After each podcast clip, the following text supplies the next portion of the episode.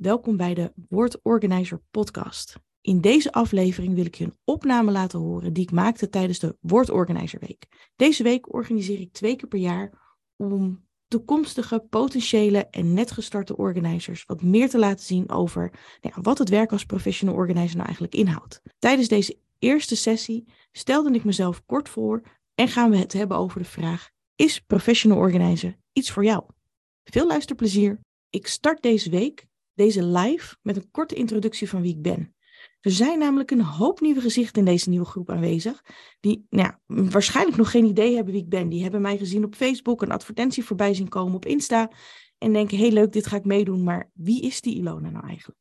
Dus, voor de mensen die mij nog niet kennen, mijn naam is Ilona Fisker, ik ben 42 jaar en vlak voor mijn 30ste verjaardag begon ik met ondernemen.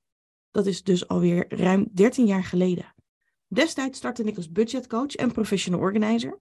Nu werk ik alleen nog als professional organizer en als trainer van een hele lichting nieuwe organizers, die ik sinds alweer drie jaar opleid. En daarnaast heb ik samen met een compagnon een eigen coworking space in Horen. Ondanks dat ik mezelf nu een ondernemer in hart en nieren voel, ben ik van huis uit geen geboren ondernemer. Mijn vader is pas op zijn veertigste gaan ondernemen, dus ik was wel weer iets sneller.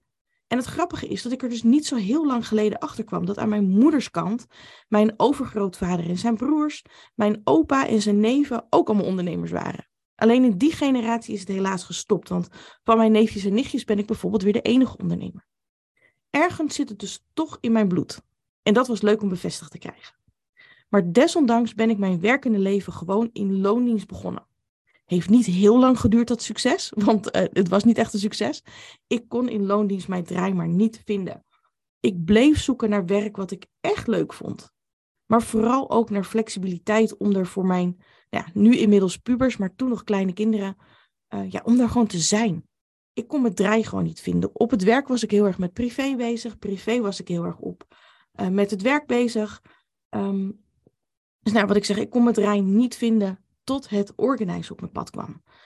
En het grappige is dat ik inmiddels harder werk dan dat ik in loondienst ooit gedaan heb. Alleen het mooie is, het voelt niet als werken. Die balans is er over het algemeen dan in ieder geval veel meer omdat ik doe wat ik leuk vind en wanneer het mij uitkomt. Het is mijn missie om Nederland een stukje opgeruimder te maken en dat kan ik niet alleen. En gelukkig heb ik inmiddels een community om mezelf heen gebouwd van oud-cursisten, collega's, lezers van mijn vakbladen, die mij hier allebei, allemaal bij helpen. En samen maken we niet alleen het land een stuk opgeruimder, we zorgen ervoor dat al die opgeruimde huizen, kantoren, werkplekken, dat die ruimte geven. Letterlijk en figuurlijk ruimte om te groeien, om kansen te pakken, om stappen te maken. En op die manier hoop ik de wereld een stukje mooier te maken. En misschien wil jij mij natuurlijk wel meehelpen met deze missie. Loop je al heel lang rond met plannen, maar weet je niet zo goed hoe en wanneer je de volgende stap kunt zetten? Laat mij je helpen. Onder andere door deze week, deze Word Week. En laat in de reacties even weten waar je staat. Ben je al gestart? Twijfel je nog? Ook als je deze opname terugkijkt, zal ik het tof vinden als je gewoon meetypt. Ik lees alles. Maar dan gaan we dus nu kijken. Is professional organizing jouw toekomst? Of is het het beroep van jouw toekomst? Misschien moeten we daarvoor even beginnen bij het begin. Want wat is een professional organizer nou eigenlijk? Nou, het beroep van professional organizer is, hoe kan het ook bijna anders, overgewaaid vanuit Amerika. In de jaren negentig is het beroep door Annelies van Overbeek in Nederland geïntroduceerd. En in Nederland noemen we onszelf niet alleen maar uh, professional organizer, maar ook wel personal organizer, opruimcoach, structuurcoach. En zo hebben we nog talloze functietitels. En dat is niet zo gek, aangezien de omschrijving wat we doen of wat wij kunnen doen zo ontzettend breed is. Ik zie professional organizing eigenlijk meer als een kapstok waar we ontzettend veel onder kunnen hangen. De definitie van een professional organizer, zoals die door de beroepsvereniging is uh, gemaakt, is dat een professional organizer een specialist is in het aanbrengen van structuur en overzicht in de breedste zin van het woord. Nou, persoonlijk ga ik er in mijn opleiding ook vanuit dat je als professional organizer werkt als ondernemer. En dat neemt niet weg dat er steeds meer organizers in loondienst komen werken, maar juist dat stukje organiseren met het ondernemerschap vind ik de allerleukste combinatie. Nou, wat doen we nog meer? We geven praktisch advies, We bieden hulp bij het organiseren, reorganiseren, structureren van woon- en werkruimtes, maar ook van papieren en digitale informatie. We kunnen met onze klanten werken aan het efficiënter indelen van hun beschikbare tijd. We kunnen klanten begeleiden in het maken van keuzes die hen in staat stellen om meer, ja, om meer gestructureerd te denken en te werken. Om effectiever om te gaan met de ruimtes en de middelen om weer meer overzicht te krijgen. Want alles draait om dat overzicht, om die structuur, die orde die wordt aangebracht door ons. Ook kun je ondersteuning bieden in al die situaties waarin het evenwicht in het leven ja, gewoon even is verstoord. En dan kun je denken aan bijvoorbeeld scheiding, ziekte, uh, overlijden, maar ook verhuizing, gezinsuitbreiding, burn-out. Het zijn de leuke dingen van het leven, maar ook de niet leuke dingen van het leven. Maar dit zijn een beetje de meest voorkomende. En dat wat ons in die situaties onderscheidt van al die andere ondersteunende diensten en misschien zelfs wel hulpverleners, is dat we letterlijk de helpende hand bieden. we zijn natuurlijk praktisch bezig en hierdoor is snel resultaat zichtbaar. En de klant waarmee je werkt voelt zich gesteund. Dus door samen aan de slag te gaan, maak je een begin met het ordenen van een woonruimte, een werkruimte of bijvoorbeeld die administratie waar de klant al zo vaak naar gekeken heeft of over gepraat heeft, vooral ook tegenop gezien heeft, maar nog niet veel mee gedaan heeft. En je kunt, dus de klant kan samen met ons als organizer aan de slag gaan en ze krijgen hierdoor weer snel ademruimte en energie. Dus eigenlijk werk je samen met je klant aan een hogere kwaliteit van werken en leven. Een praktijkvoorbeeld hierin is Jan. Jan is een man van 54 en hij kwam er nog niet zo heel lang geleden.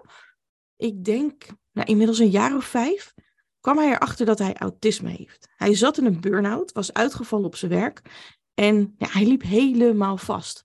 Zijn ouders waren niet heel lang daarvoor overleden, allebei vrij kort op elkaar. En hij kwam erachter dat zijn ouders hem altijd die routine en die structuur gaven. Hij woonde wel op zichzelf, hij had gewoon een eigen huis, maar zijn ouders hielpen hem nog heel erg veel. Dus toen zij wegvielen, kun je je voorstellen dat hij in een enorm gat viel. En gelukkig mocht ik hem helpen.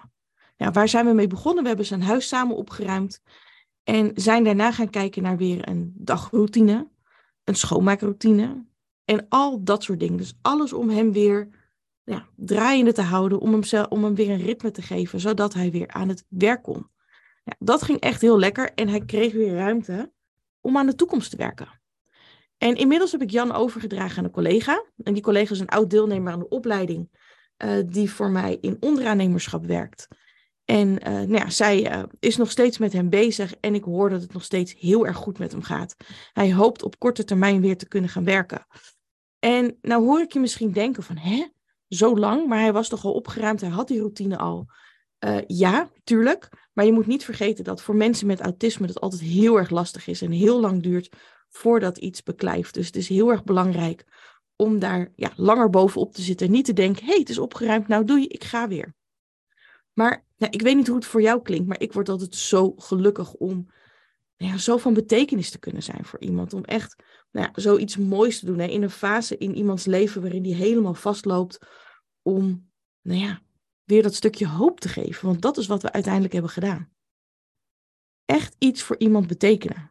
En resultaten bereiken. Niet door te praten. Nou ja, niet alleen door te praten, want natuurlijk praten we heel veel tijdens de sessies. Maar juist ook die praktische ondersteuning te bieden op het gebied waar dat nodig is. Ja, en dan heb je natuurlijk ook nog de gewone hulpvragen. Dus hoe ruim ik op? Hoe krijg ik werk en privé in balans? Uh, hoe krijg ik mijn partner en kinderen betrokken? Ook die wordt heel vaak gevraagd. Hoe krijg ik mijn to-do-lijst af, zodat ik minder overwerk? Hoe maak ik mijn huis zo mooi gesteld? Je ziet natuurlijk steeds meer op Instagram al die mooie voorbeelden. Hoe krijg ik dat voor elkaar? En om nog even terug te komen op die live events. Ja, ik zie nu wat in de chat staan. Ja, waarschijnlijk heb je zelf ook wel ervaring met datgene wat ik net noemde. Hè? Dus dat je even het overzicht of de controle niet meer had. Ik denk dat we dat allemaal herkennen, toch? Dat er van die momenten zijn dat het even te veel wordt. Niks om je voor te schamen. En ik denk dat dat er ook wel bij hoort. Hè? Dat je op een bepaald punt in je leven nou, even dat overzicht kwijt bent. En hoe fijn is het dan als er iemand bij je is die je ondersteunt? Die met je aan de slag gaat als je er zelf geen zin in hebt. Als je het even niet meer alleen kunt. En voor veel organizers is dat ook de drijf om hun bedrijf te starten trouwens. dat ze zelf in een burn-out zitten of tegen die burn-out aan zitten. Ehm, een verlies hebben meegemaakt, heel vaak zijn verhuisd en al die momenten bij elkaar opgeteld dat ze denken, ja, maar ik heb dit nu meegemaakt en hoe fijn is het als ik nu met mijn kennis die ik heb opgedaan iemand anders erbij kan helpen. Nou, hoe klinkt dit tot nu toe? Klinkt het alsof je hier meer over wil weten? Of je deze week samen met mij op onderzoek uit wil gaan? Let me know in de chat. Ik ben heel benieuwd hoe enthousiast jullie zijn. Ook al ben je misschien meer een kat uit de boom kijktype, zou ik het toch tof vinden dat je het laat weten. En de chat is maar tekst. Ik zal je niet opeens uitnodigen om iets te zeggen op video of zo. Het gaat mij er gewoon om dat je lekker meedoet. Want 80% van succes is just showing up. Dus doe lekker mee vandaag en deze hele week.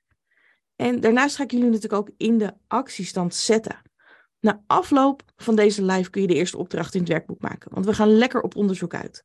Het werkboek is te vinden in de groep onder de documenten. Dus een PDF die je in kunt vullen. Je hoeft hem dus niet uit te printen. Ja, en ik zie hier al heel veel mensen in de chat. Ja, yes, super veel zin in. Ik ben erbij. Mijn agenda is geblokt. Ja, superleuk. Heel tof dat jullie zo enthousiast zijn.